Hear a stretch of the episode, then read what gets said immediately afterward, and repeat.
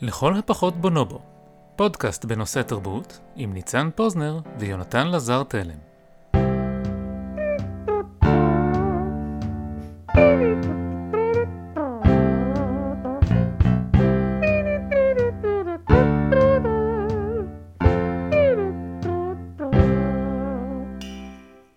שלום יונתן. היי ניצן, מעניינים? טוב תודה. תגיד, אה, מה היה כל כך חשוב לך לדבר עליו שבאת לניו יורק? אה, התגעגעתי אליך. אה, אה, גם אני התגעגעתי אליך. ברוך הבא לניו יורק. ברוך הנמצא. תודה רבה. יש לכם פה הרבה ציוויליזציה. כן, אה, מי ש... אני לא יודע אם אתם זוכרים, אבל כשעשינו, הקלטנו פרק מרחוק ואמרתי שניו יורק נורא גדולה, אז כאילו היא לא התקטנה מאז. אני- או שאני לא התרגלתי, אני לא יודע, נורא גדול, הכל רחוק. כן, יש פה, יש פה הרבה בניינים, בכל בניין יש הרבה חפצים. בוא'נה, אני יכול להגיד משהו מוזר. אני נסעתי עם... נסעתי, אני לא זוכר איפה, נסעתי, ב- הייתי בסן פרנסיסקו, נסעתי באובר עם נהג ודיברנו על ניו יורק. נראה לי שזה היה שם. ניו יורק כל כך גדולה, והיה לי את הרגע הזה שחשבתי כמה כפתורי מעליות יש בניו יורק. רק כפתורים של מעליות, ואיפה מייצרים את כל הכפתורים האלה. תחשוב, כאילו אני, רק במנהטן יש כנראה, לא יודע, מיליון, מאות מיליונים, מיליארדי כפתורי מעליות, כאילו זה פסיכי. יש לי בעבודה פיזיקאי מאוד מחונן, שהוא עשה קורס בשערוך, שזה בגדול אומר איך לנחש סדרי גודל של דברים, אז אתה מוזמן אה, לשאול אותו. הוא מאזין לפודקאסט? אה, כן, אה, יותם, אם אתה שומע אז בבקשה ת- איתם אני מאוד רוצה לנו. לדעת כמה כפתורי מעלית יש בניו יורק. אני רק רוצה להגיד שכשגרנו ב... הייתה תקופה שגרנו במגדל בין 26 קומות, עם... לא, אנחנו במקומה 26, מגדל בין 34 קומות, היו בו ארבע מעליות, חלקן מגיעות לחלק מהקומות, חלקן לא, אבל, ובכל מעלית, מן הסתם משהו בסדר גודל של 40 כפתורים, זה די הרבה כפתורים. אה, שלא תראה, לדבר נגיד ברגים, כמה ברגים יש במנהטן, כאילו. אה, או כמה חולדות, עכברים. כן.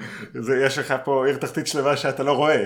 תקשיבו, המקום הזה, המקום הזה גדול, אז, אז אני שמח שהצלחת למצוא את האולפנים. כן, אה, זה פרק, ה- הפרק הכי יקר בתולדות לכל, לכל הפחות בונובו, יש לנו פה אולפן שטח, יוצא מן כן, הכלל. אגב, השכירות על האולפן הזאת היא לא, לא זולה. אה, אז אה, מזל שלצורך העניין אנחנו, שימו לב לבדיחה, מנפיקים מטבע קריפטוגרפי אה. של לכל הפחות בונובו. כן, איך, איך אתה רוצה לקרוא לה בדיד, לערך של המטבע היחיד? אה, תראה, אפשר ללכת straight forward על... בונובו קוין. בונובו קוין, כן. אפשר ללכת על... קריפטו נובו. קר- קריפטונובו. קריפטונו- קריפטונובו, ואז זה נשמע כמו איזה משהו חדיש. חדיש, כן. לכל הפחות דולר. סבבה, אוקיי, אה, אז אנחנו ננפיק אותו, אתה יודע איך מנפיקים מטבעות דיגיטליים? חשבתי שזה כמו, נכון שאתה בגן ואתה כזה בלי חרטות, זה מידת המחויבות שצריך לספק. אז אה, כן, אז כמו ש...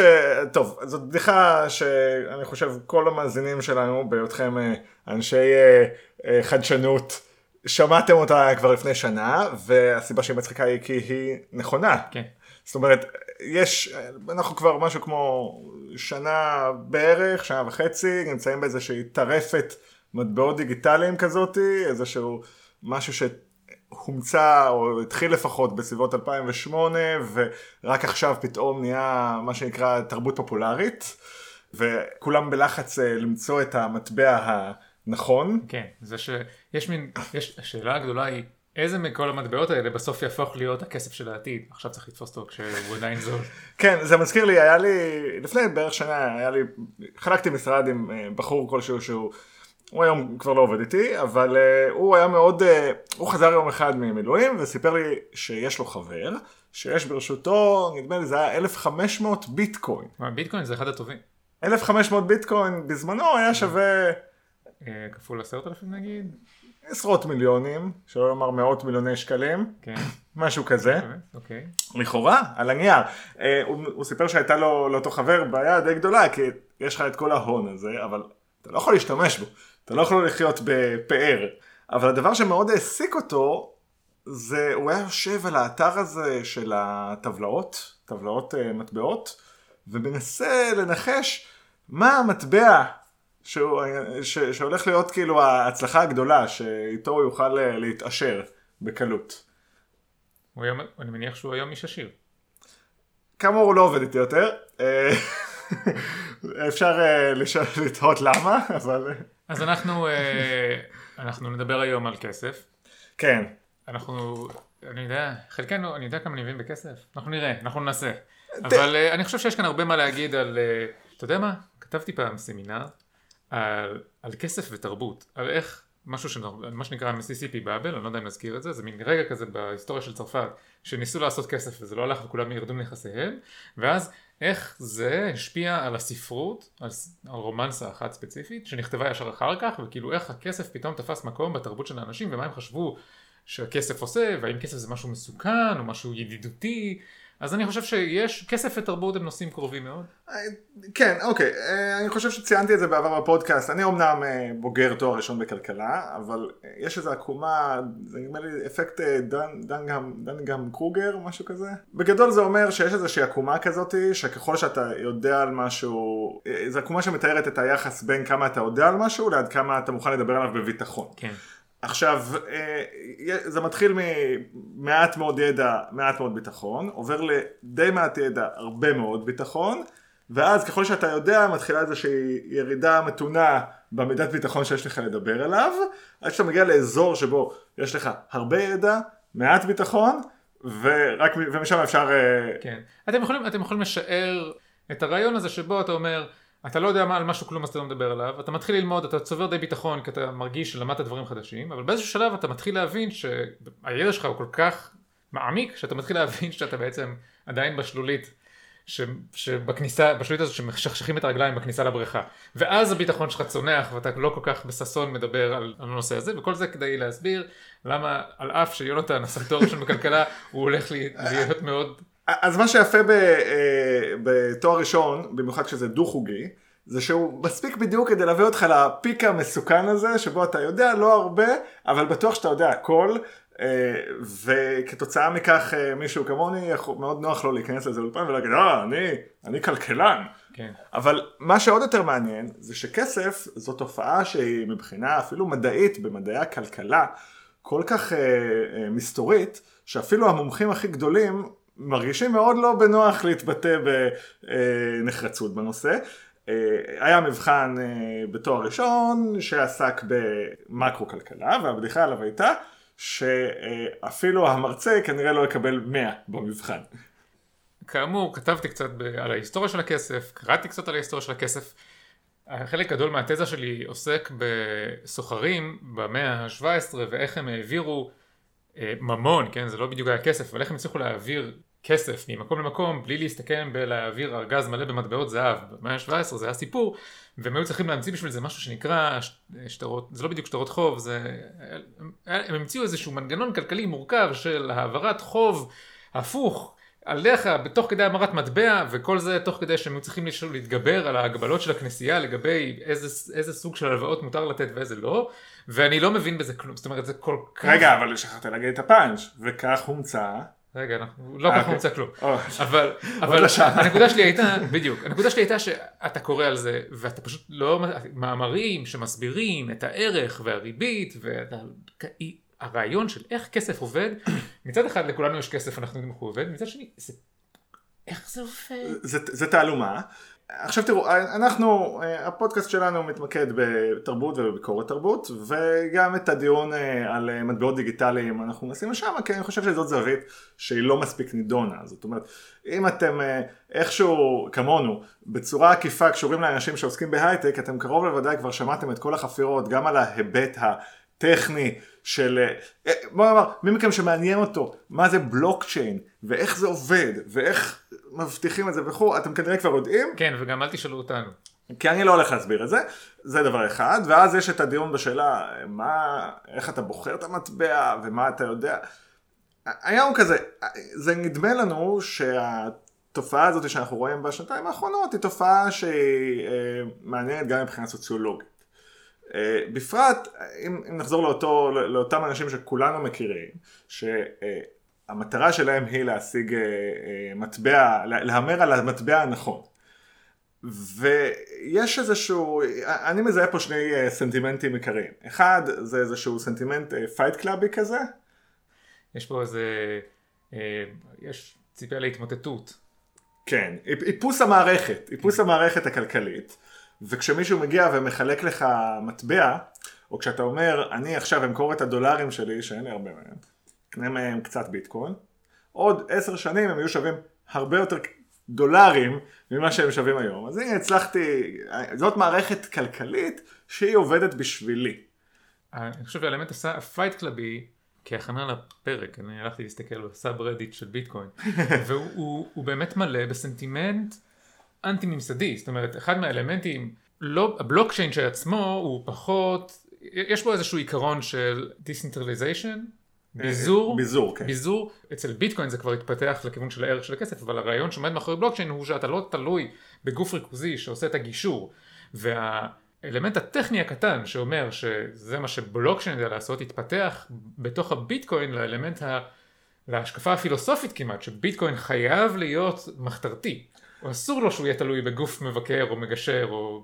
מעולה, ואני אפילו רואה בזה, אה, הדבר הזה הוא אפילו לא התופעה התרבותית עצמה, זה נגזרת של תופעה תרבותית יותר עמוקה, מה שכיניתי אולי אה, פלישת המדמח, המדמחניקים, כלומר אה, אנשי מדעי המחשב, איזושהי תרבות האקרים כזאתי, שהיא כל הזמן חותרת, בעצם כל הדיון הזה הוא גם מאוד מתחבר למיסטר רובוט, שזאת סדרה...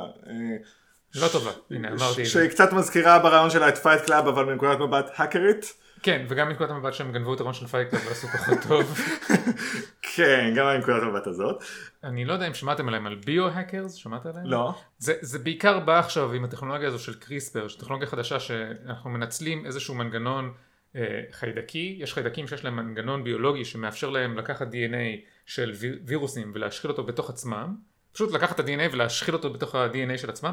ואנחנו הצלחנו לגנוב את הטכנולוגיה הזאת ואנחנו די, יש מדענים היום שיודעים לקחת רצועות קטנות של DNA ולהשחיל אותם במקומות וזה אומר שאתה יכול, יש, אנחנו מתקרבים לשלב שיש לנו את הטכנולוגיה לתקן גן. משהו ב-DNA של בן אדם לכל הגוף שלו, כן, באמצעות מנגנון חיידקי. ויש אנשים שעושים את זה אצלהם, ב, אה, אתה יודע, בגראז' והם לא ביולוגים, הם bio-hackers, כי הם עושים את זה, ב, הם כאילו עושים את זה בגראז' בלי תמיכה ממשלתית, הם, אה, כן, זה כזה Fight Club י כזה. ואז אתה יודע, יום אחד יהיה, סתם, אני לא אלך לכיוון כן, הטכנופובי. אבל למשל יש סיפור על, אה, אנחנו קצת נמרחים פה על נושאים לא קשורים, יש סיפור מפורסם על בחור ש... זה המנדט של הפודקאסט שלנו. נכון. כן. עשה לעצמו, אה, אני מתנצל לפני המאזינים, מה שנקרא השתלת קקי. אה, זאת אומרת, הוא בן אדם שסבל מהפרעות עיכול, הוא לקח, יש לו, היה לו חבר בריא, הוא לקח את הצואה של החבר שלו, הפיק ממנה גלולות שיש בהם את חיידקי העיכול של החבר שלו, שם את עצמו בחדר מבודד, כן, עשה את עצמו ילד בועה, לקח הרבה מאוד אנטיביוטיקות, אני לא בדיוק, אני, אני מצטער, אני לא יודע בדיוק איך הוא עשה את זה, חיסל את מערכת הביומאסה של הבטן שלו, הרג את כל החיידקים, והכניס אל עצמו את החיידקי עיכול של החבר הבריא שלו, והוא אומר שהוא יצא מזה בן אדם הרבה יותר בריא, עם עיכול יותר טוב, אבל גם מתרכז יותר טוב, בכושר יותר טוב וכולי. אה, גם קשור, זה קשור, טוב, אנחנו בכל זאת 70-80 אה, אחוז אה, חיידקים, ככה אומרים, לא? אני, כן, עכשיו, אני, יש היום, במכון ויצמן, יש שם צוות חוקרים, אני חושב שהם התראיינו גם אצל גיקונומי אחד מהם, שהם פורצי הדרך במדע שמבין את הקשר בין העיכול שלנו והבריאות שלנו והאישיות שלנו, והרעיון ש... שטיפול בבעיות בריאותיות יכול להיות שהוא צריך גם לחשוב על טיפול בשאר בעלי החיים שגרים בגוף הזה חוץ ממך אבל הנה גם לזה יש את האספקט, ה, אה, זאת אומרת יש את הענף האקדמאי במכון ויצמן ויש את הביו-האקר שעושה את זה בגראז' לא צריך טובות, לא צריך מימון, לא צריך קרן, לא צריך מחקר. עכשיו יש uh, עוד uh, היבט של התופעה הזאת, כאמור הזכרתי קודם את הביטוי הזה פלישת המדמחניקים. אנחנו רואים בכמה עשרות שנים האחרונות, בעיקר ב-20 שנה האחרונות בעיקר מאז שלהיות אה, איש מדעי המחשב הופך אותך לבן אדם מאוד עשיר ומצליח וזה בעצם איזשהי אה, תחום ש... זה מין אליטה חדשה, כן. בטח בתל אביב, בטח בסן פרנסיסקו, כן, מין אליטה חדשה של אנשים שבאיזשהו מובן סלף מייד אבל הם גם, האליטיות שלהם מתבטאה בזה שהם עושים מחשבים. תראה, יש להם גישה לידע שהוא כאילו, הוא כמעט כישוף בעיני אנשים שהם לא מהתחום. חד משמעית. והדבר הזה כמובן הוא גם משפיע על הנפש ואנשים שמגיעים מהתחום הם אה, התחילו אה, לשלוח אה, שלוחות לכל מיני תחומים אחרים. וזה לא מאוד נדיר לראות אנשי מדעי המחשב נכנסים לומר לתחום מדעי החברה. אומרים מה הבעיה? נמצא איזשהו פתרון אלגוריתמי טכנולוגי מתמטי. ונעקוף לא, לא צריך אני יכול להמציא עכשיו מכונה שמגלה את האמת על כל נושא מראש בלי לדעת שום דבר על העולם האמיתי, אה, אני יכול אה, לפתור אה, בעיות כלכליות או חברתיות נורא מסובכות, למרות שאתה יודע, ההשכלה היותר משמעותית שלי היא בתחום הסטטיסטיקה. ואחד הדברים שאני מאוד משתדל ללמוד ולדאוג להם כשאני עובד, זה לקחת בחשבון את העובדה שיש דברים שלא נמצאים בנתונים. הנתונים זה איזושהי הקרנה מאוד שטוחה של המציאות. ה... יש המון דברים, תת דאטה שאנחנו לא רואים, ובלי הרקע, בלי הנרטיב שמספרים על הדברים, אפשר מאוד בקלות לגלות דברים לא נכונים. אז אני מאוד מקפיד כשאני נותן ייעוץ. הרבה פעמים האנשים שמבקשים ממני ייעוץ, מאוד מעדיפים שאני אה, אגיד להם באיזה ש... אה, גם אני עוסק בעולם ההייטק ואנשים שמגיעים אליי מגיעים קצת עם הגישה הזאת והם מעדיפים שאני כבר אלעס ואקל עבורם ושהם לא יאלצו אה, להכניס איזושהי אינפורמציה חיצונית כי הם חושבים שככה התוצאה שאני נותן יותר ניטרלית. ניטרליות זה דבר שמאוד אוהבים בתחום, יותר נקרא לזה נכונה, כי אם זה נמצא בתוך האלגוריתמיקה אז כנראה שזה לא מושפע מכל מיני הטיות קוגניטיביות שלנו יש. ואני לעומת זאת אומר להם על הרבה נושאים, תקשיבו, זה סוגיה אה, מקצועית, זאת סוגיה ערכית. אני לא יכול לקבל בשבילכם את ההחלטה הזאת, בגלל שההחלטה, מה משמעותי ומה לא משמעותי, היא החלטה ערכית של מי שעוסק בתחום.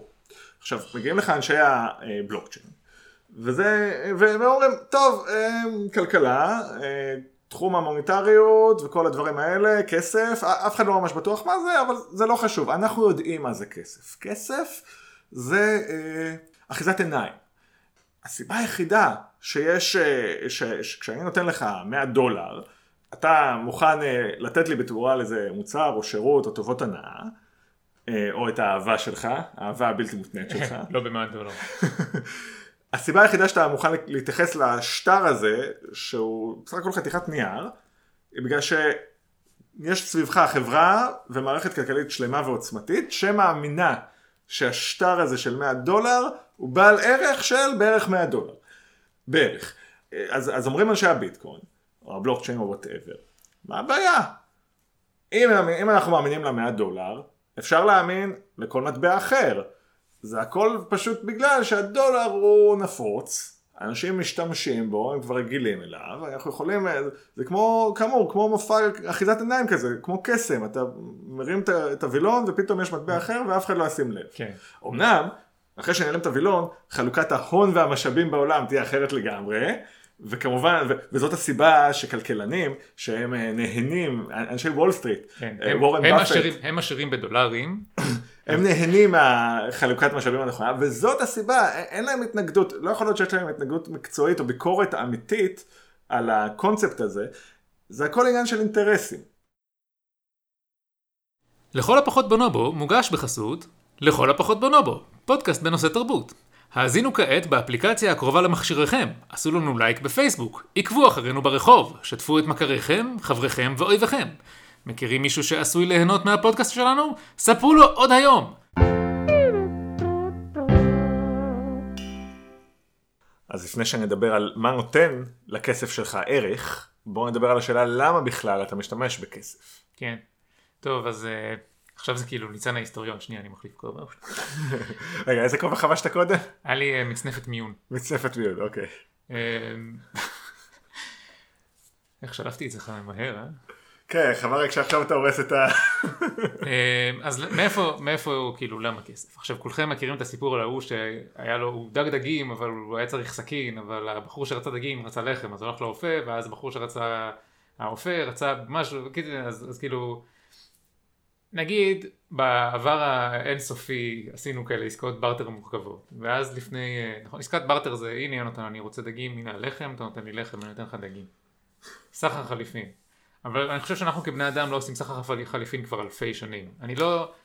אפילו טענו ב-let me, tell me something I don't know, שזה דבר שלא לא באמת לא היה. לא באמת היה. כן, יש, אני, אני חורג ממה שאני בדיוק יודע, אבל אני שמעתי שיש יש עדיין, או שהיו עד לאחרונה תרבויות, שלמשל סחרו באמצעות צדפים.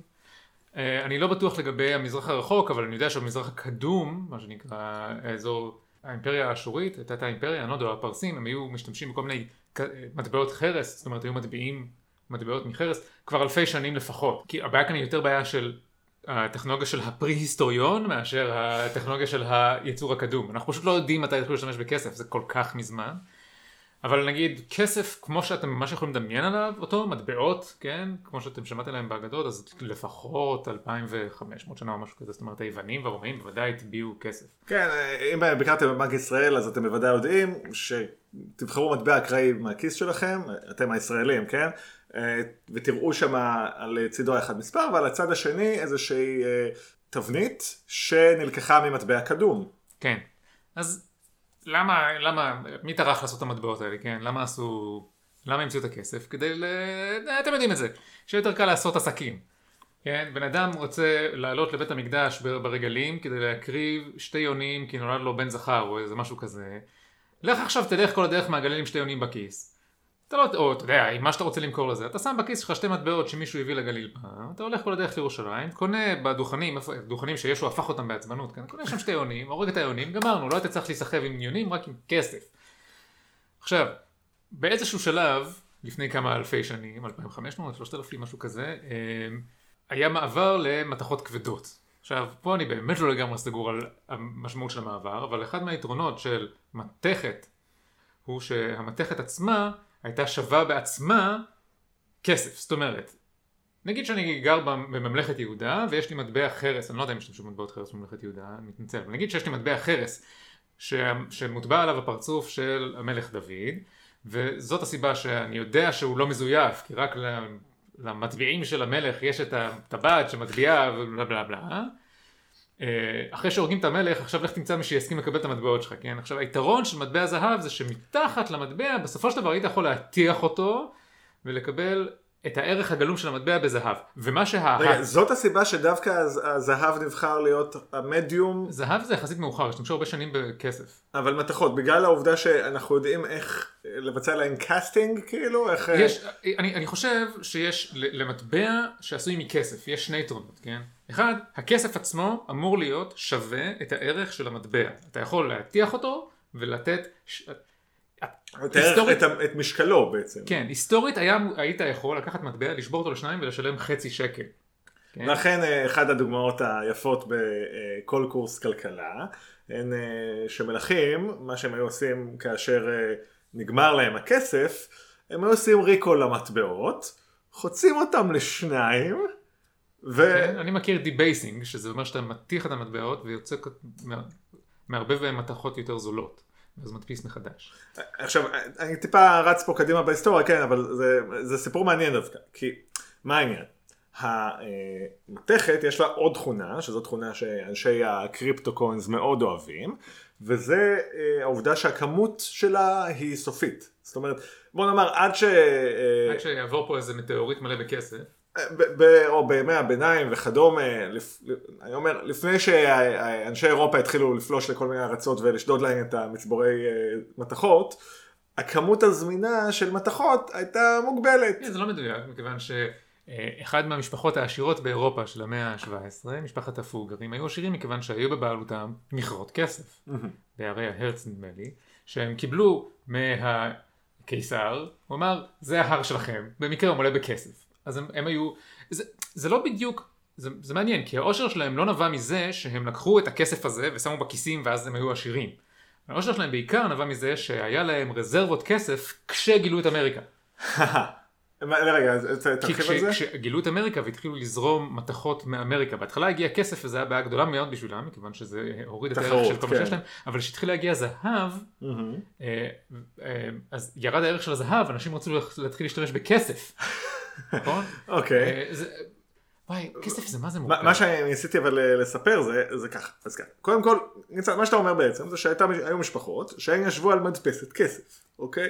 זאת אומרת מצד אחד, כן, אבל אני- התכונה המשותפת לזהב או לכסף או מה שזה לא היה עם הבלוקצ'יין זה שהכמות היא לכאורה סופית כל עוד לא נכנס עוד מתכת למערכת.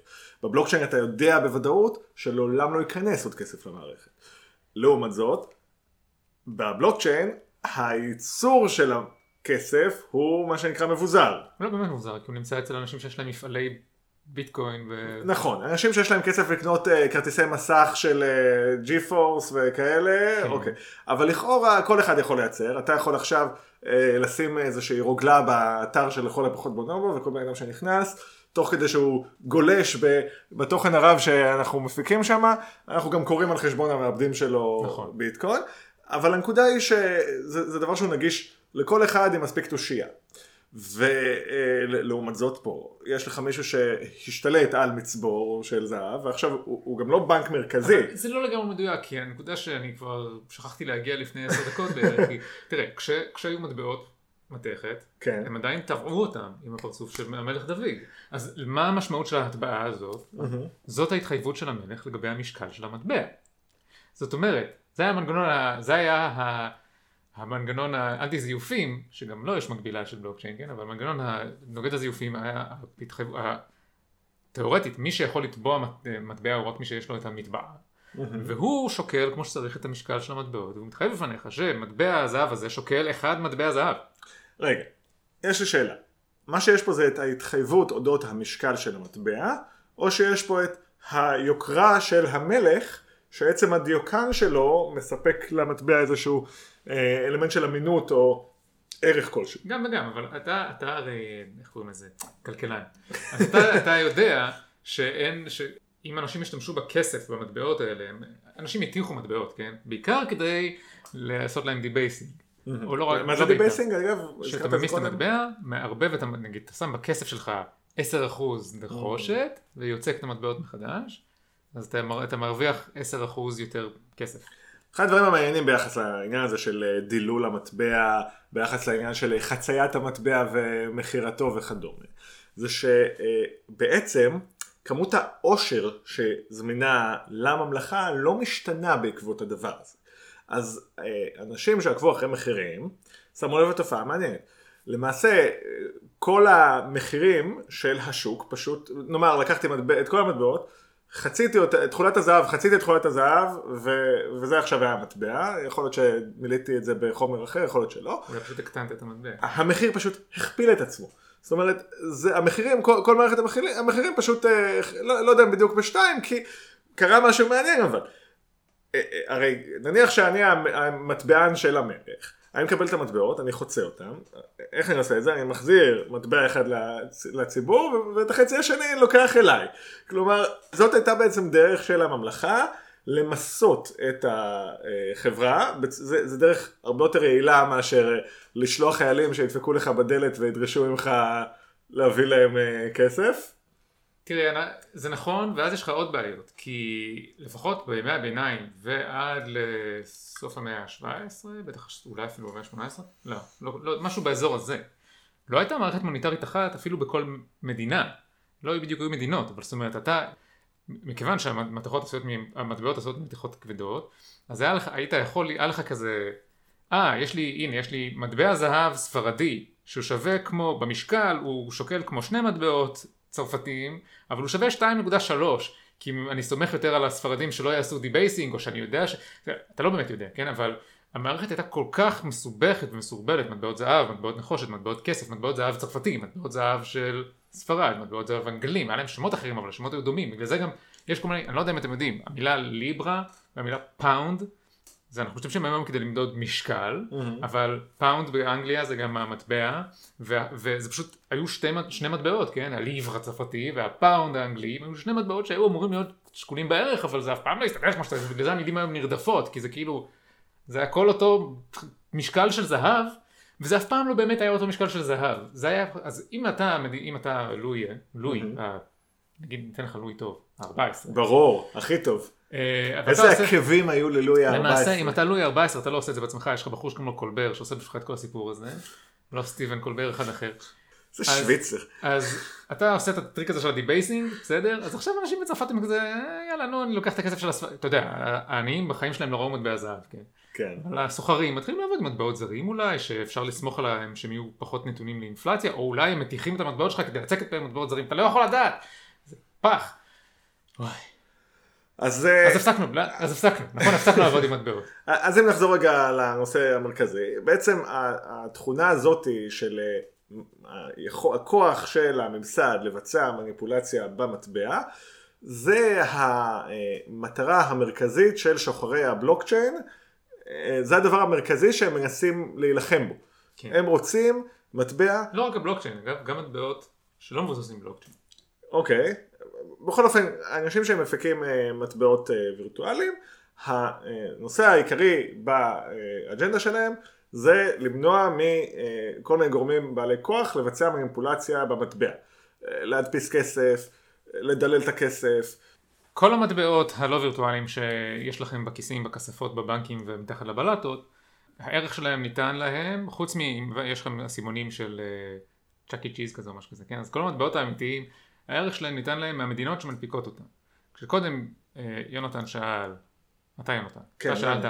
כאילו, אמרת, זה סתם אשליה, מרימים את המסך, זה החיקוי שלי של יונתן, ומורידים את המסך, ואחר כך, אז למה יש, נעשה, כן, אנחנו קופצים עכשיו על מתי עברנו להשתמש בשטרות, במקום במטבעות. אנחנו ראינו למה להשתמש במטבעות זה קשה. באיזה שלב התחילו ממה שאמרתי עליו קודם, מה שנקרא Bills of Exchange, שזה כל מיני שטרות חוב, נכון?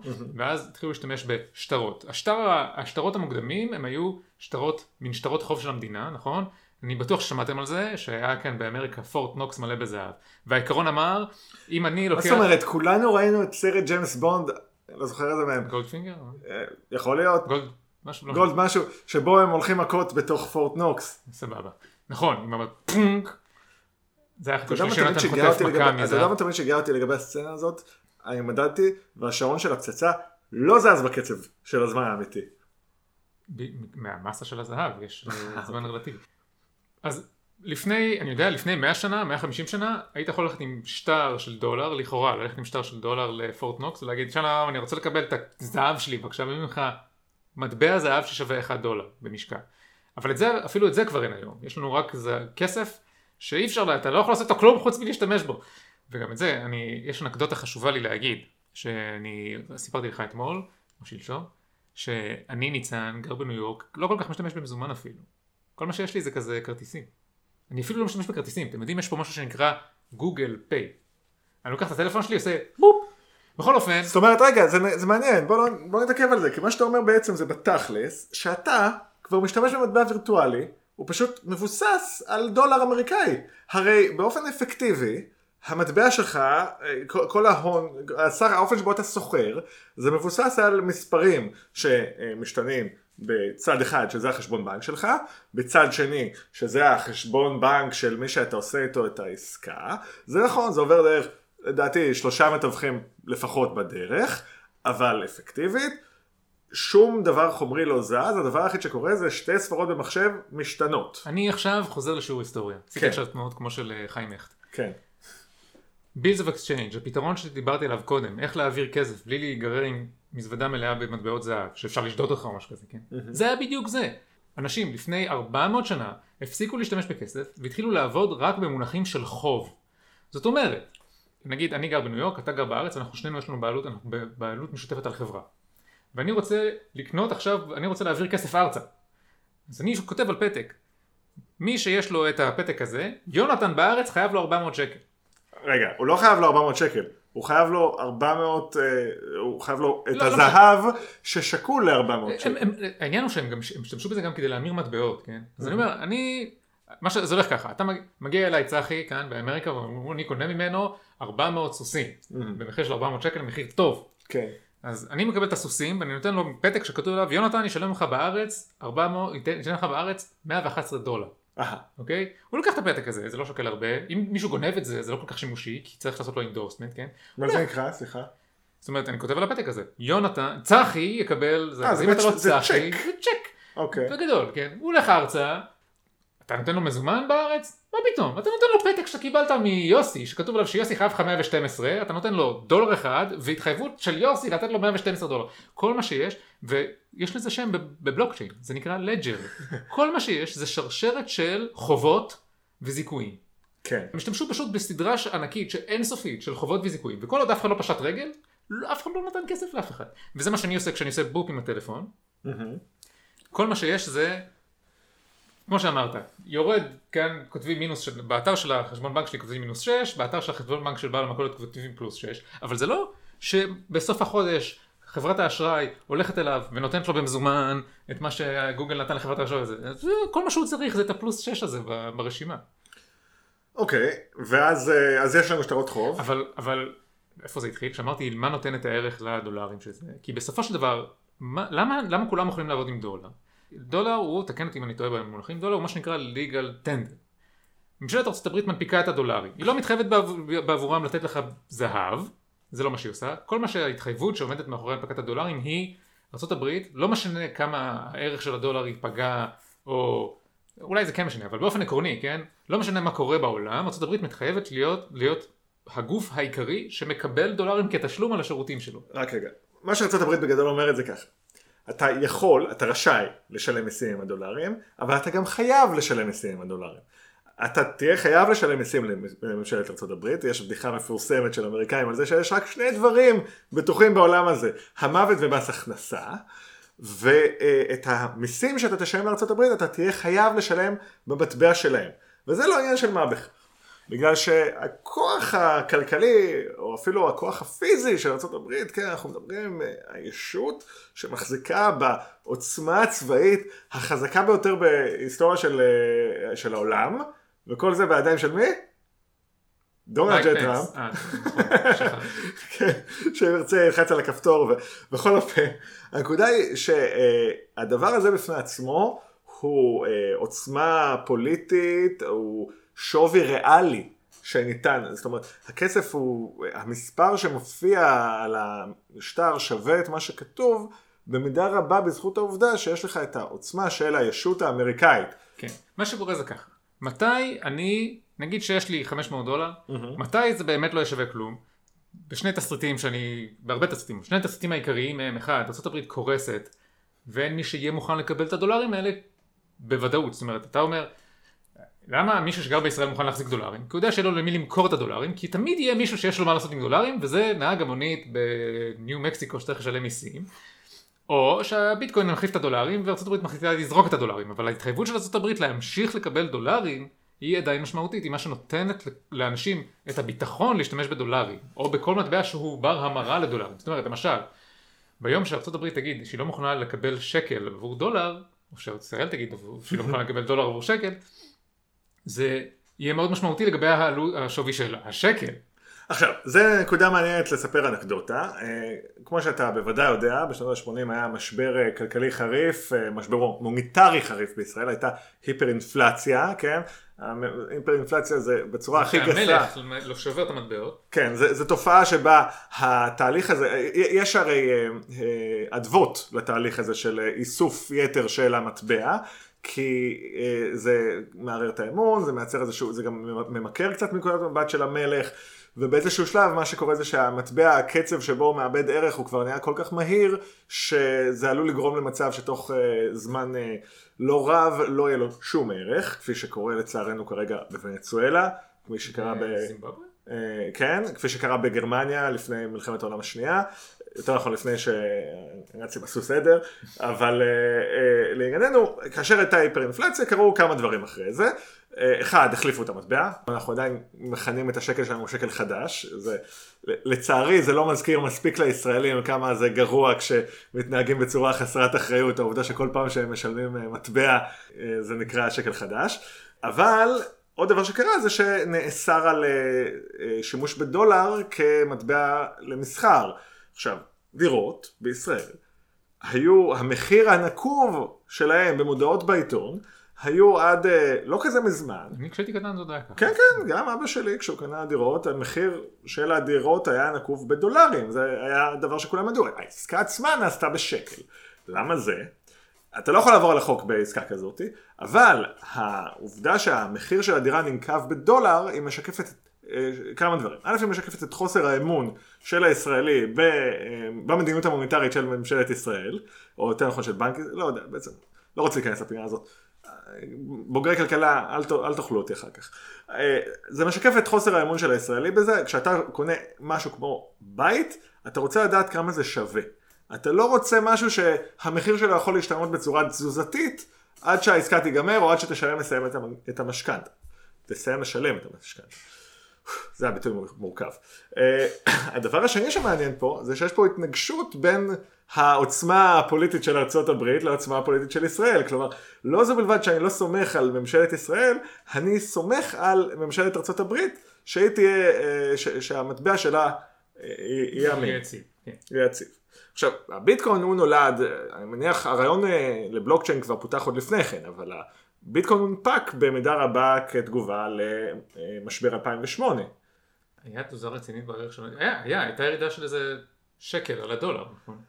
אני אגיד את זה ככה, כמו שסיפרתי פה, אני צופה בהישרדות כבר אה, 20 שנה, לא, לא 20, 19, בצורה די אדוקה, ובדקתי לפני כמה שנים מה השחיקה של הפרס אה, מיליון הדולר, פרס מאז העונה הראשונה, וזה משהו כמו שליש. והרוב ירד בתקופה הזאת. כן. אנקדוטה מעניינת שנייה זה שלפני בערך שנה אולי שנתיים ממשלת הודו בגדול הם הודיעו הם אומרים את הדבר הבא אנחנו מדינה די מורכבת מבחינה, מבחינה ממסדית אוקיי יש לנו אוכלוסייה כפרית ענקית המון המון המון סחר במזומן הסחר במזומן הזה יוצר לנו קושי רב לגבות מיסים אנחנו רוצים שאנשים ינהלו את החשבונות שלהם בבנק באופן הזה אנחנו יכולים לגבות מהם את המיסים שלהם ולתת להם שירותים בתמורה או לא יודע מה לקחת לכיס זה לא הנקודה. הנקודה היא שהם קיבלו החלטה לאסור את השימוש במטבעות, בשטרות סליחה מעל סכום מסוים. שטרות שהסכום הערך הנקוב שבהם מעורב. מה זה אומר לאסור? זה אומר שהם הודיעו בהתראה מאוד קצרה, נדמה לי שבוע או שבועיים, מעכשיו בנקים לא מקבלים יותר שטרות. זה לא. זה פשוט לא, הם ביטלו את השטר, הוא לא שווה כסף. לא, הם נותנים לא, לך, היה אפשר להמיר אותו. נותנים לך שבוע שבועיים לרוץ לבנק, מהר מהר להפקיד את הכסף שלך. עכשיו יש לי שאלה ניצן. נניח שאתה גר באיזה כפר ולא שמעת על ההנחיה הזאת, ועכשיו יש לך במרתף ערימות של שטרות של 500 אה, רופי. מה, מה אתה עושה איתם? אתה ממשיך לסחור בהם. אני לא חושב, אני לא, לא זוכר בדיוק איך, אה, כאילו אני חושב שהיה איזשהו מחקר מן הסתם על איך הדבר הזה השפיע על התנהגות, לצערי לא התכוננתי מספיק טוב לפרק, אבל זה לא העניין, כי אתה... אבל אתה- מה שאני מנסה להגיד זה ככה, השטר הוא אמנם לא שווה יותר 500 רופי, אבל הוא גם לא שווה 0 רופי, הוא שווה איזשהו מספר באמצע. אבל אתה, בסופו של דבר, בסוף השרשרת הזאת, כן, אני ממשיך לשתור בשטרות של 500 רופי, אבל אני לא יכול להשתמש בשטר הזה כדי לשלם מיסים, הוא לא legal tender, מישהו בסוף, כן, נתקע עם השטר בידיים, ומה שהוא רוצה לעשות עם הכסף שלו, הוא עבד כל החודש וקיבל שטר של 500 רופי, מה שהוא רוצה לעשות, בחיים, לעשות עכשיו זה לשלם מיסים. אבל תראה, עד, הוא לא יכול. עד לא הוא מזמן- הוא לא רוצה, אתה יודע, הוא רוצה לשלם, עזוב מיסים כזה של לא יודע בשביל מה. הוא צריך לשלם את הביטוח, כי לבת שלו יש סרטן. הוא לא יכול לעשות את זה עם שטר של 500 רופי. אוקיי, אה, זאת בעיה. אז הוא צריך עכשיו למכור אותו למישהו שמוכן לקחת אותו בעבור פחות. זה מה שאתה אומר? אתה יוצא מנקודת הנחה ש... כן, אז קודם כל כן, אבל דבר שני, אתה יוצא מנקודת הנחה שכאילו הסחר של האנשים שמחזיקים ערימות של 500 רופי במרתף, זה הדברים שהם קונים אותם. רוב האנשים שרוב הסחר שהם עושים במזומן, רוב המוצרים שהם קונים, הם קונים אותו, אתה יודע, אוכל במכולת, לא יודע מה, כאילו... אבל אני אגיד מעבר לזה, עד לפני בערך אה, שנה, שנה וחצי, לפני שהביטקוין כאילו זינק לסכומים בלתי אפשריים, זה היה אחלה של מטבע בשביל לסחור באיליגל טנדר. זה היה מטבע נפלא בשביל סחר בסמים, סחר בנשק, אה, אני מניח סחר בנשים וילדים בין השאר. די ברור שבעקבות הזינוק של השווי הזה, הוא נהיה כל כך תזזיתי, אתה יודע, תוך כדי שאנחנו מקליטים את הפרק, המטבע הזה איבד והוסיף לערך שלו אלפי, עשרות אחוזים מן הסתם. כן. זה מאוד קשה לק- לקיים סחר עם מטבע כזה. כן, אין טעם לשים הודעה, אני מוכר את ה-M16 הזה בעבור שני ביטקוין, אם אני אצטרך כל הזמן לעדכן את המחיר של הביטקוין, וכשאתה תשלם לי, מהרגע שאתה תלחץ סנד ועד שאני אקבל את הכסף, מי יודע כמה כסף קיבלתי. עכשיו, בגלל שכל מה, ש... כל, כל, כל מה שהם צריכים, הרי כל אחד יכול להנפיק מטבע, אז אין שום בעיה להחליף למטבע אחר שייצר את הדבר הזה. אז אני מניח שהיום הם מקיימים את הסחר שלהם במטבעות אחרים. יש לי הפתעה בשבילך יונתן. מה? כן. הפרק הזה של לכל הפחות בונובו מוגש בחסות ביט כהן. מה זה ביטקוין? ביט כהן. הביט ביט מטבע קריפטו היהודי הראשון. אה, אני זוכר שהם דחפו לי את זה בפייסבוק לפני בערך נכון, שנה. זה, אוקיי, אנחנו לא באמת מגושים בחסותם. אה, אם אתם רוצים לתת לנו חסות אז בבקשה, אבל אנחנו הולכים קצת לצחוק עליכם. זה, זה מטבע וירטואלי אמיתי, המטבע היהודי הווירטואלי הראשון האמיתי. אפשר לחפש את העמוד שלהם בפייסבוק, כהן בלי H, כהן. שיישמע כמו ביטקוין. אה, עכשיו, אה, זה לא, אני לא, לא... קודם כל זה יפה, כי כשאתה מקים מטבע יהודי אתה כמובן רוצה שהוא יישמע אפילו בתחום הזה של קריפטו קוינס בתור, בתור כאילו תרמית, כן. נכון? אה, זה חייב להישמע נוכלי, נכלולי. אני, אוקיי. אה, אז אתה תיתן לו שם כמה שיותר דומה למטבע הדיגיטלי הכי מפורסם בעולם, שאתה עלול, אם אתה מפספס אות אחת, איכשהו להגיע אליו בטעות בגוגל. נכון. E ו-I לא כאלה קרובות במקלדת. אה, יש, יש, אוקיי, יש, אתם מכירים את זה, יש אה, הרבה מאוד קריפטו קורנסיז, לא כולם מבוססים בלוקצ'יין, ויש מה שנקרא ICO, Initial Coin Offering, הצעת מטבע ראשונית או משהו כזה, וזה סוג המטבע שביטקוין הוא. אוקיי, רגע, תסביר טיפה מה זה. תכף אני אסביר. זה, אה, ICO זה אחת מהדרכים שבהם מייצרים ערך למטבעות וירטואליים. לביטקוין יש מנגנון הרבה הרבה יותר מורכב. עכשיו יכול להיות שביטקוין מבוסס, ביטקוין מבוסס על בלוקצ'יין. אני לא יודע כי הם לא טרחו להגיד כי זה לא חשוב. אני, אני בטוח שאתם שמעתם על, החב, על, ה, על זה שלפני כמה שנים כל מיני חברות לא קשורות הוסיפו לשם שלהם בל- בלוקצ'יין וקריפטו והערך שלהם עלה בהמון כסף. זאת אומרת אם יש לך חנות דגים ואתה קורא לה בלוקצ'יין פיש, כן, ניצן זה בלוקצ'יין פיש שופ, אגב, דגים חיים או מתים? זה לא חשוב, אוקיי. הם, הם בלוקצ'יין או לא, לא בלוקצ'יין, זאת השאלה. בלוקצ'יין לא, אוהב לא דגים? משנה. אוקיי. בקיצור, סליחה, סליחה. אז, אז הרעיון שעומד מאחורי ICO, עכשיו אה, אם נציג ICO רוצה להתקשר למספר שלי עכשיו לעלות לשידור ולהסביר שאני טועה אז בבקשה, אבל הרעיון ש... אה, שעומד מאחורי ICO זה אומר ככה, אני רוצה לגייס כסף עבור חברה שתהיה חברה שמייצרת כסף. כדי לגייס משקיעים אני צריך להראות שהכסף שלי שווה כסף, כדי שהכסף שלי יהיה שווה כסף אני צריך שיהיה אנשים שמוכנים ש... להשתמש בכסף שלי כדי שיהיה להם כסף, אוקיי? בתור כסף. אז אני מתחיל מזה, אני מתחיל מלגייס אנשים שמשתמשים בכסף, שהוא עדיין לא שווה כלום, ואז אני מגייס משקיעים. עכשיו, יכול להיות שהחברה שלי עושה דברים אחרים, אבל היא תקבל, החברה שלי הופכת את המטבע שלי ל legal tender של החברה שלה. למשל, נגיד אני אובר, אז יש לי קריפטו, יש לי קריפטו אובר? אובר coin. כן? ואז מה, אני נותן כל פעם 20 דולר לאובר, מקבל בתמורה קריפטו אובר? אני, נגיד ש... כן, זאת אומרת, זה היה מטבח של החברה. אבל מה, שאני, מה שהחברה עושה, היא עושה initial coin offering. היא אומרת, מי שמוכן עכשיו לקבל ממני ביט... אה, שירותים. קריפטו קוין, כן? לא, מי שרוצה לקבל קריפטו קוין עכשיו, יכול לקבל עכשיו 20 קריפטו קוין. הם עדיין לא שווים כלום. אבל יש לך עכשיו 20, אבל מי שמבקש מחר יהיה לו 19. ומה אני עושה בתמורה? כלום, אתה נותן לי את האימייל שלך ונרשם לך לשירותים שלי משהו כזה. אבל העניין הוא. העניין הוא שאני מגייס דבר ראשון את האנשים שמשתמשים בכסף, אוקיי? ואז אני הולך למשקיעים ואומר, תקשיב, החברה שלי כשהיא תהיה שווה מיליון דולר, כל מטבע כזה יהיה שווה שקל, כן?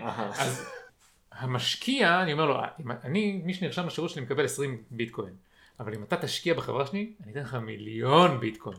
ואז הוא יוכל באמצעותה לנסוע באובר חינם כל החיים? הוא יוכל למכור ביטקוין. אה, אפשר לסחור בביטקוין. בוודאי, הוא שווה דולרים. אוקיי, אז זה בעצם... כרגע הוא שווה אפס אז דולרים. בעצם זה משהו באמצע בין מניה למטבע, שכל המטרה שלו זה לעקוף את רשות ניירות ערך. אני לא בטוח, אני חושב שהמטרה העיקרית שעומדת מאחורי initial coin offering זה לנצל את, ה, אה, את ההייפ את ההייפ. כדי, אוקיי. לגייס, כדי לגייס משקיעים ולקוחות. אז עוד פעם, אני רוצה להבין מההתחלה עוד פעם אה, מה הסיפור.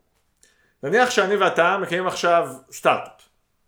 אנחנו יכולים אה, לנסות להנפיק אותו, אנחנו כנראה לא, נקבל, לא נגייס כסף מאף אחד, אנחנו יכולים לנסות אה, לגייס איתו כסף, אבל מה שאנחנו יכולים לעשות במקום זה, זה להגיד טוב, אנחנו עכשיו מחלקים טוקנים כאלה, שהם אה, אה, ישמשו לתוך אה, סחר בתוך המערכת הפנימית שלי, ניתן לסחור איתם גם מול מה ש... סליחה על המילה, נקרא כסף אמיתי.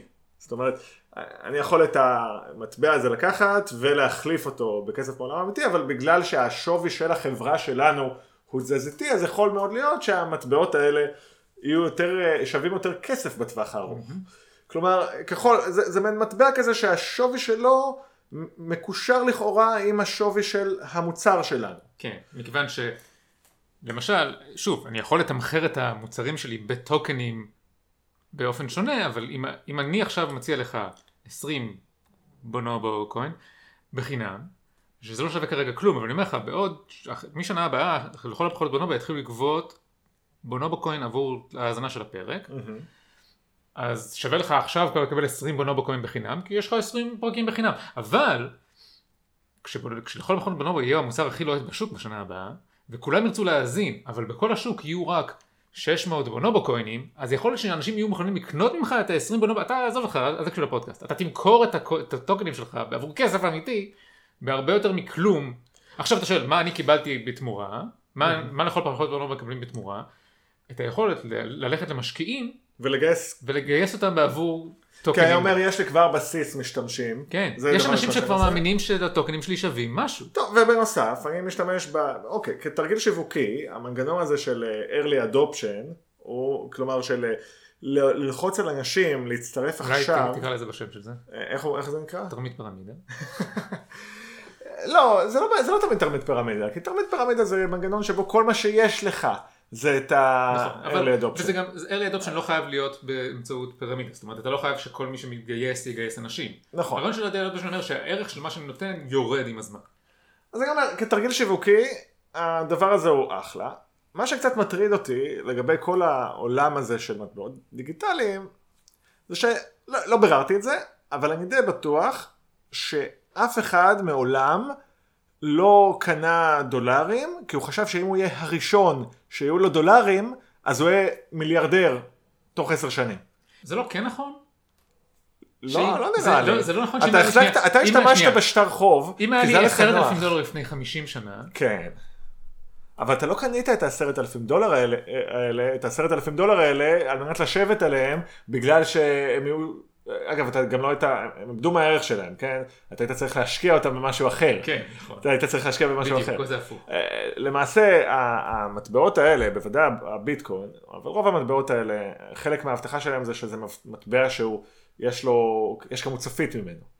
לא רק שיש לה כמות סופית ממנו, אלא שהיא אפילו תפחת עם הזמן, כי יש למטבעות האלה נטייה ללכת לאיבוד. כן. וכשהם הולכים לאיבוד, אתה לא יכול אה, למצוא אותם מתחת לבלטות. אבל גם הכסף שלך, אוקיי, גם הכסף האמיתי שלך יכול ללכת לאיבוד.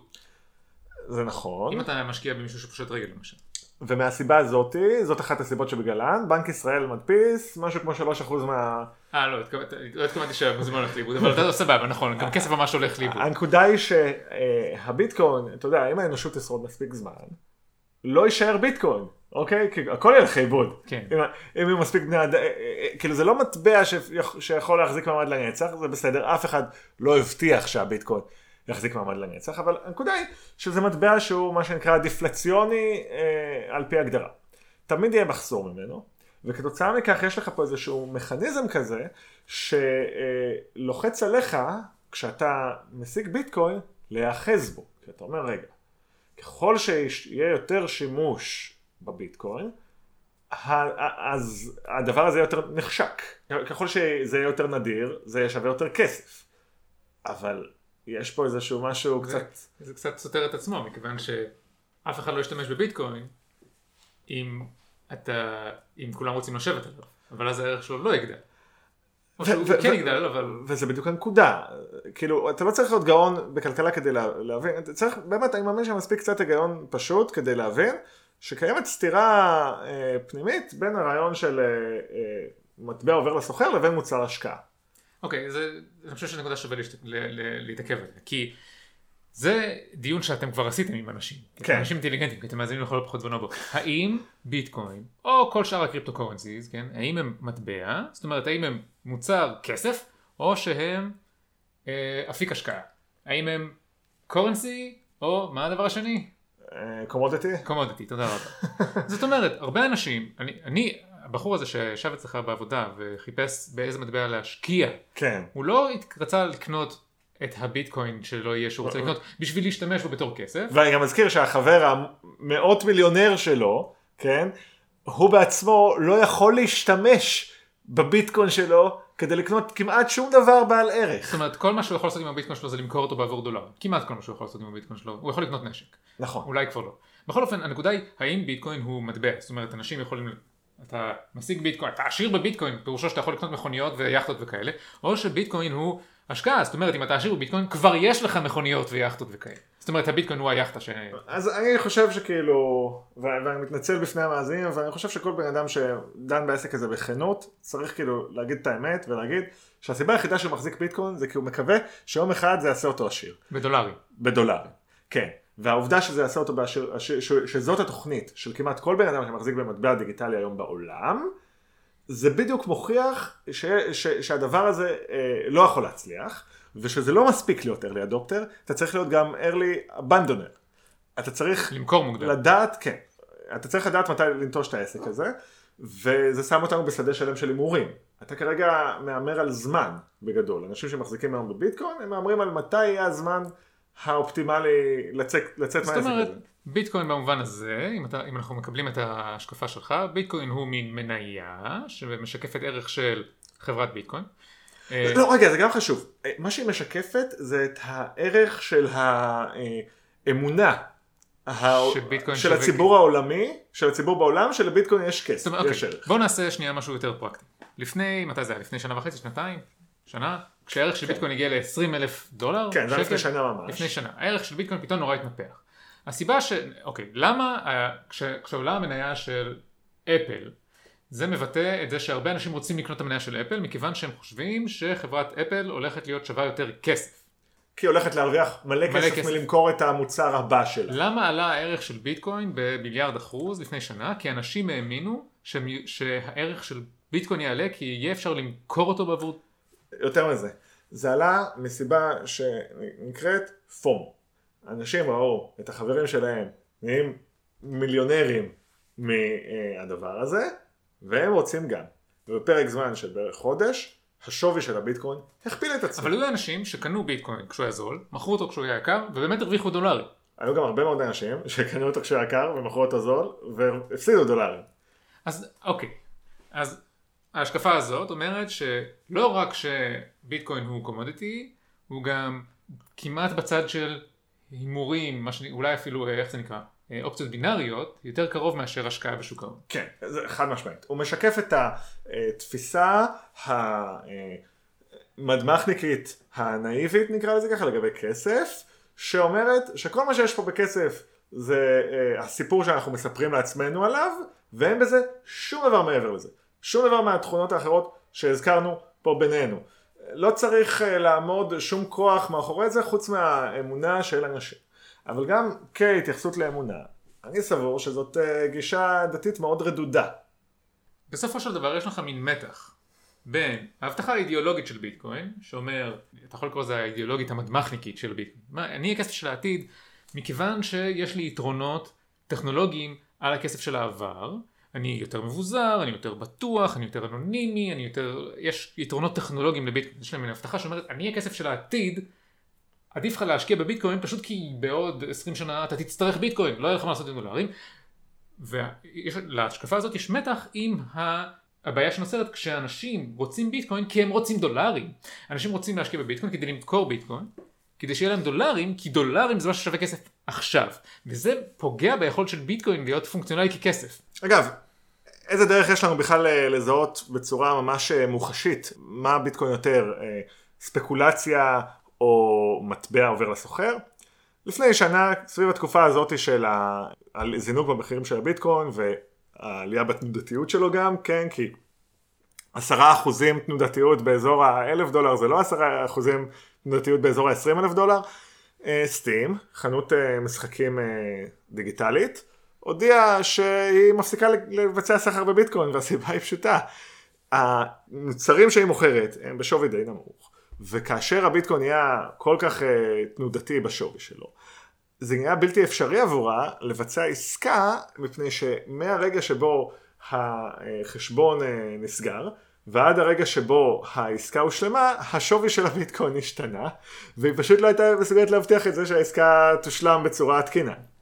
אבל מה שיותר מעניין לגבי זה, זה שהדבר, הפרסום הזה של, של סטים, לא השפיע אפילו קצת על השווי של הביטקוין. זה פשוט לא הייתה שום דרך, אתה יודע, אחת מהחנויות הכי חשובות שמשתמשות במטבע, לא, הפסיקה להשתמש בו, וזה לא השפיע על השווי כי שלו. אף אחד לא תכנן להשתמש בו כדי לקנות מוצרים בסטים. בדיוק. יש עוד מתח שגלום בהבטחה של ביטקוין.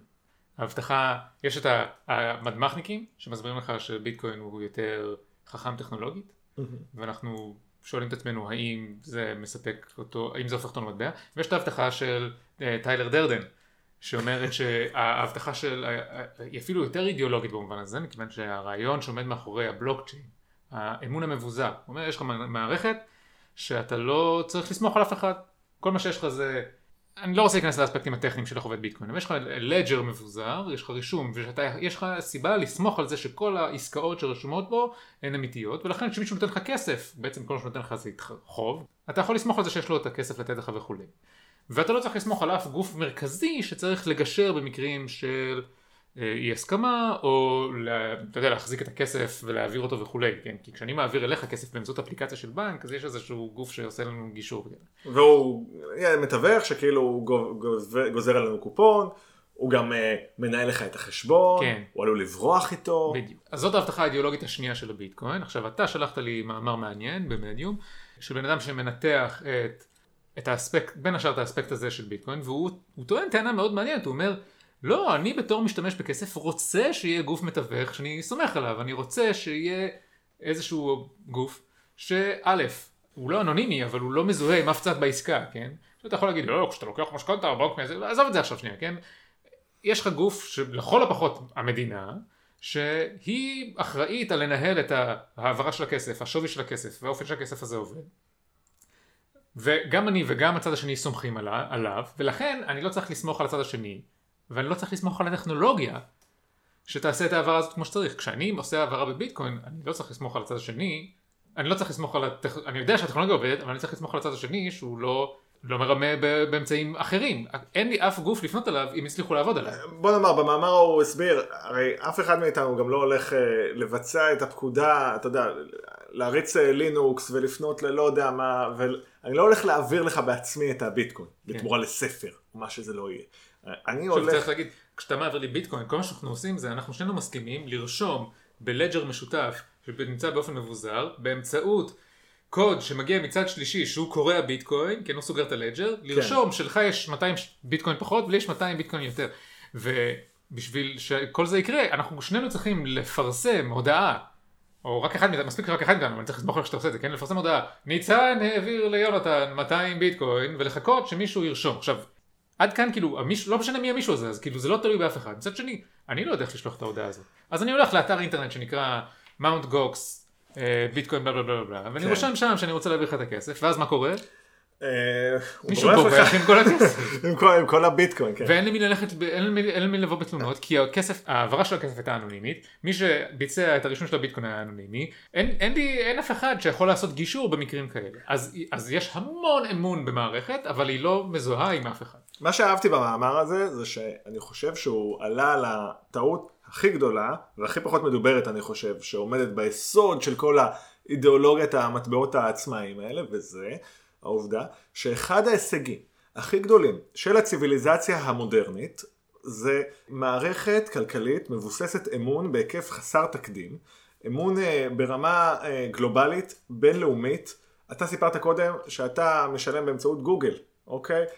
למה אתה מסכים לתת להם אה, לנהל לך את הכסף? כי אתה מאמין להם שהם לא יברחו איתך. אתה מאמין יותר מזה, אתה מאמין שהם ינסו לברוח לך עם הכסף, הם יקבלו על זה עונש. אם אני אה, עכשיו פה ברכבת התחתית בבוסט, בניו יורק, סליחה, אני עוד לא בבוסטון, אה, איזה כייס יגנוב לי את הארנק, אני לא אבהל, אני לא אמצמץ. big deal, כאילו, אני שולח הודעה בטלפון שלי לבנק, תקשיבו, תבטלו לי את הכרטיס. וזהו, אם הבנק אה, מנסה לברוח לי עם הכסף, אני יכול לתבוע אותו. הכסף, של, החשבון בנק שלי מבוטח. אם אני מסתובב עם איזשהו כרטיס כזה, שבו שמור הפרטים של כל ה... של פרטי גישה לארנק הווירטואלי שלי, ומישהו בורח, גונב לי את הפרטים האלה, ושודד אותי, אני יכול לאבד את כל ההון והחסכונות שיש לי, בגלל הדבר הזה. העובדה שיש אמון, היא מאפשרת לנו לקיים סחר, היא מאפשרת לנו לקיים חיים. אנחנו מסתובבים פה בעיר הכי, במערכת הכלכלית אחת המורכבות בעולם. אני לא פחדתי שישדדו אותי פה.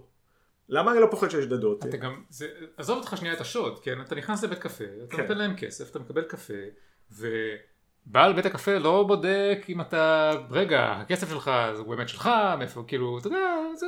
פוזנר, יותר מזה, זה הפוך. אני נכנס לבית קפה, אני קודם מקבל את האוכל, ובעל בית הקפה סומך עליי שאני לא אברח לו בלי לשלם. והסיבה, הסיבה שהוא עושה את זה כל הזמן. שהוא עושה את זה כל הזמן, ולא נסגר, זה כי, אחד, רוב הזמן זה לא קורה, ושתיים, הוא יודע שאם זה יקרה, יש לו סנקציות להפעיל כנגד מישהו שינסה לברוח לו עם הכסף, אוקיי? אז זה בעצם אה, מנסה לפתור בעיה שהתגברנו עליה. זאת אומרת, אנחנו מצאנו מנגנונים בשביל שנוכל להאמין אחד לשני, אנחנו לא צריכים, צריכים מערכת שלא מבוססת על אמון. והמנגנונים האלה מאפשרים לנו, אה, בעולם החדש מה שנקרא, להקים עסקים, אה, להרגיש ביטחון, גם ביטחון פיזי, גם ביטחון כלכלי, לדעת שאנחנו יכולים להרשות לעצמנו אה, לבצע יזמות, שיש חוק וסדר. הבלוקצ'יין זה תפיסה אידיאולוגית שהיא יכולה להחזיר אותנו לימי הביניים מבחינה חוקית. אתה מדבר יפה על ימי הביניים. סליחה, חס וחלילה.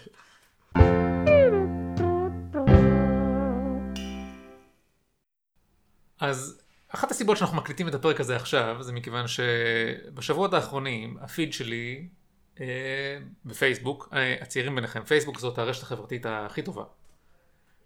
יש בה סטוריז. אה, אז ראיתם בפייסבוק אנשים מזמינים אתכם להצטרף ל, ליוזמת Q, Initiative Q.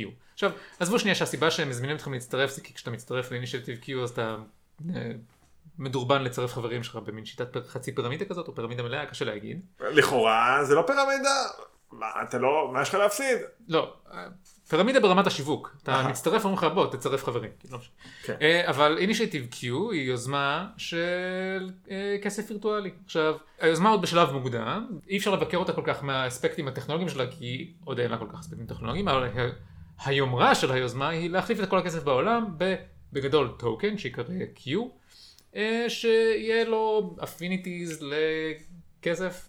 תהיה ועדה מוניטרית שמנהלת אותו כמו כסף. כמו, בנק, כמו בבנק ישראל שיש כן, ועדה מוניטרית? מנסה לשמר את הערך שלו קבוע. אה, היא פותרת את הבעיה של הבלוקצ'יין שהוא דפלציוני, כלומר, היא מונעת מהמכניזם הזה ש... הרי הסיבה שהביטקוין הוא כל כך תנודתי זה שיש מעט ממנו, אז אנשים משקיעים בו, ואז הם מוכרים את הערך שלו, כן. ובעצם לרוב המדינות בעולם יש אה, בנק מרכזי שהתפקיד שלו זה לשמור על המטבע היציב. כן. אז ל-Q... תהיה ועדה מוניטרית שתשמור על המטבע היציב. אני ניסיתי, אני לא מבין הרבה בכלכלה, אבל אחד הדיונים בפייסבוק פניתי אל ה... אה, אחד משני היזמים שהקימו את המיזם. אה, וילף קוראים לו? סער וילף. סער וילף, ושאלתי אותו איך תעבוד המועצה הכלכלית הזאת, הוא לא לא היה לו זמן בפייסבוק להתעכב על תשובה מלאה, אבל הרעיון העיקרי נראה, להבנתי הוא שהם פשוט יקנו דולרי, או ימכרו דולרי. אבל uh, בכל אופן, כדי שהיוזמה, הם, הם, אומרים, הם אומרים בפה מלא, כדי שהיוזמה תצליח, היא צריכה בשלב הראשון לגייס הרבה אנשים שיהיו מוכנים להשתמש ב-Q בתור המטבע שלהם. גם אנשים שירצו לקנות מוצרים ב-Q וגם עסקים שירצו למכור מוצרים ב-Q, וכדי לגייס עכשיו אנשים, הם פשוט מחלקים Q. אם אתה מצטרף עכשיו, אם אתה early adopter, אתה מקבל Q בשווי אה, ששווה ל... אם אתה מצטרף מוקדם ומצרף חברים שלך, אתה מקבל Q בשווי של לכאורה כמה עשרות אלפי או 100 ו... 150 אלף דולר משהו כזה. כן, הכסף הזה עדיין לא שווה כלום, אבל... רגע, אז הוא מחלק כסף בחינם. הוא מחלק כסף בחינם. עכשיו... בלי עלות. כלומר, אתה צריך לעשות שני דברים כדי לקבל כסף בחינם. לתת את האימייל שלך ולהזמין 15 חברים. אוקיי. לתת את האימייל, אתה לא, יכול, אתה לא צריך לתת את האימייל שלהם, הם ייתנו את האימיילים שלהם, אתה צריך אה, להזמין אותם ולאשר אותם. אה, רק בתנאי שהבאתי 15 חברים אני יכול על לקבל... על כל חבר אתה מקבל עוד נתח מהטוקנים שלך. ככל שאתה מזמין יותר מתוך 15 החברים שלך אתה מקבל את הערך המלא של הטוקנים ש... שמגיעים לך בהתאם למועד ההצטרפות שלך, ככל שמוקדם יותר יותר טוקנים להבנתי. אה אוקיי, כלומר יש פה מכניזם זה... שהוא גם, בעצם שני הדברים החשובים של תרמית פירמידה, הוא גם אה, מעודד אותך להיכנס מוקדם, וגם מעודד אותך להפיץ את הבשורה. כן, אבל, נכון, אבל שוב, אה, הם אומרים בכנות, אה, זה מתוכנן כדי להתגבר על הבעיה העיקרית של Q, שהיא, הם חייבים קונים של Q, כדי שיהיו מוכרים, שיסכימו לקבל Q. עכשיו, השאלה הגדולה שפתוחה בעיניי ב-Q היא שאלת ה-legal tender. זאת השאלה שפתחנו לגבי כל המטבעות הווירטואליים, כן? אני כבעל עסק, למה שאני אהיה מוכן שיבוא אליי אדם וישלם ב-Q? אני לא יכול אחר כך לשלם לעובדים שלי משכורת ב-Q, הם יגידו, אני רוצה שקלים, ואני לא יכול לשלם את המע"מ ב-Q, כן? עכשיו, התשובה של שיער וילף בשלב הביניים כמובן ש... הם ייתנו לו דולרים, הם ייתנו לו דולרים בתמורה ל-Q. כן. מאיפה הדולרים? מהמשקיעים. למה המשקיעים משקיעים? כי יש למשתמשים Q. וגם למש- המשקיעים יקבלו קיו כנראה. אה, אוקיי. אה, בקיצור, אה, אנחנו, אני אשאל את זה ככה, אתה הצטרפת למיזם? לא. למה לא? אני לא מאמין בכסף בחינם. אני חושב שאמון במטבע זה דבר שהוא אה, לא כל כך פשוט לייצר אותו. זה לא העניין של אה, כל העולם, אתה יודע, גם לכל אחד יכול לקנות עכשיו אה, משחק מונופול ולהוציא ממנו את הכסף. זה לא עובד בלהכריז מעכשיו.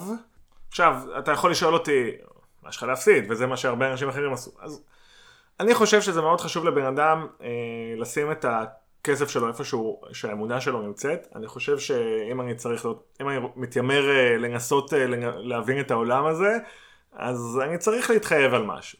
אני לא מאמין ביוזמה הזאתי, וגם, האמת, לא מצא חן בעיניי אה, זה שהם מבקשים ממני פרטים אישיים, כי אני סבור שזה המוצר האמיתי שהם מוכרים. אני סבור שמה שהם אוספים פה זה אה, אוסף של אה, מידע, שהוא לכאורה, מה, בסך הכל אה, טלפון ואימייל. אבל יש שני דברים שעושים את המידע הזה למאוד יקר ערך. אחד, אני מזמין, כשאני מצטרף ל-Q, אני גם צריך להזמין עוד 15 אנשים. באופן הזה הם יודעים איפה אני נמצא בתוך איזשהו מערך חברתי מסוים. שתיים, ממסד הנתונים הזה, המערכת החברתית הזאת, היא כולה נמצאת בצורה שהיא מאוד אדוקה סביב אה, קהילת ההייטק הישראלית. ולעניות דעתי, המטרה האמיתית של היוזמה הזאת זה לאסוף אה, מסד נתונים שאפשר או להשתמש בו לוונצ'רס אחרים, כלומר אה, מוצרים עתידיים אחרים שלהם, או לטובת שיווק עתידי של המוצר של עצמם, אני לא יודע, לי זה נראה מפוקפק מאוד. מה איתך? אני גם לא נרשמתי ל-Q, גם כי הרגשתי שהשאלות שהפניתי לסער וילף לא נענו במלואן. אני רוצה בשלב הזה להזמין את סער וילף להתראיין אצלנו בפודקאסט באמצעות איזשהו אמצעי דיגיטלי, או אם אתה מגיע לניו יורק אז יש לנו כאן אולפנים. אני אה, לא, לא בטוח שאני אהיה פה עד אז אז. אתה תצטרף באופן דיגיטלי. אה, אז, לא כל כך הרגשתי אה, שענו על השאלות שלי, וגם לא התחשק לי להביך את עצמי. שוב, זה עניין של השקפה. בעיניי זה קצת מביך לכתוב פוסט בפייסבוק, היי, מי שרוצה להצטרף ל-Q, הנה הלינק שלי. לא כל כך התחשק לי לעשות את זה. אה, יש עוד משהו שאני לא כל כך קניתי, את זה ש-Q הולך להיות המטבע היחיד בעולם. יכול להיות שיום אחד יהיה מטבע יחיד, אני לא חושב שזה יהיה Q, אבל ההרגשה העיקרית שלי זה שאני לא רוצה, דיברנו על האמון, אני לא רוצה להעביר את האמון שלי כרגע מממשלת ישראל, ממשלת ארצות הברית, ואפילו עם מי שעומד בראשה, כן? להעביר את זה לוועידה מוניטרית שממונה באמצעות חברי הקהילה של Q, שאני לא יודע איזה אינטרס יש להם, אני לא, לא, עוד לא השתכנעתי שיש לי סיבה לסמוך עליהם יותר מאשר על כל אדם אחר. תראה, בסופו של דבר אה, זה די פשוט. אני מאמין שיום אחד יהיו מטבעות אה, דיגיטליים, למעשה, כמו שסיפרת, אנחנו כבר בדרך להפיכת הדולר למטבע דיגיטלי. אני מאמין שכשיהיו מטבעות דיגיטליים, אף אחד לא יתעשר מלהיות הראשון שמחזיק בהם. אף אחד. אני מאמין שאם אתה, אם אה, אה, המטבע נוצר בצורה שבה יש יתרון כלשהו למאמצים ראשוניים, הוא לא יצליח. כיוון שיש בעיה אינהרנטית בשימור הערך של המטבע לאורך זמן. כן. טוב, דבר ראשון, תרשו לי אה, בפני מי שנותר עד עכשיו להתנצל. כאמור, זה, זה נושא אה, כל כך מורכב שאנשים שכותבים מבחנים בנושא הזה נכשלים בהם, לכאורה. זה נושא ש... מקבלים ציונים לא מלאים. אנחנו, אנחנו, אני מקווה שהצלחנו לפחות לדגדג את בלוטות העניין שלכם. אני לא חושב שפתרנו כאן שאלה, אבל אני חושב שהיה שווה להתייחס. אז אני מתנצל בפני, בפניכם על האורך והעומס של הפרק, אבל מאוד מודה לכם שנותרתם עד הסוף. אני לא מתנצל בפני אף אחד, מי שלא רוצה לשמוע לא חייב. ואני מודה לכם על הנאמנות שלכם שאתם אה, עדיין מאזינים לפודקאסט שלנו, למרות שלפעמים זה נראה כאילו הוא ננטש. הוא לא ננטש, אנחנו פשוט מאוד מאוד עסוקים ובקצוות מאוד רחוקים של העולם. כן, אם אתם רוצים אה, לקנות אה, בונובו קריפטו קוין, קריפטו קוין, אה, אין כאלה, אבל אם יהיה עניין רב אנחנו יכולים- נפיק. אתם יכולים לשלוח לנו את המייל שלכם, כן, תשלחו לנו את המייל שלכם במיילים של בתמורה. ה-15 חברים. אנחנו בתמורה נשלח לכם מספר, כן. וכשאתם רוצים להשתמש בבונובו קוין, תשלחו לנו צילום מסך של ההתכתבות. וזה חסר. יונתן, תודה רבה לך שבאת כל הדרך ל- לעולם החדש כדי להקליט איתי פרק על כסף, שזה, בוא נגיד האמת, פה כל הכסף. חד משמעית. הכל פה לכסף. ותודה לכם, אנחנו נתראה בפרק הבא, מתישהו בעתיד. אולי עד אז אה, יהיה מטבע וירטואלי. שנה טובה ומתוקה. ביי ביי. צ'או.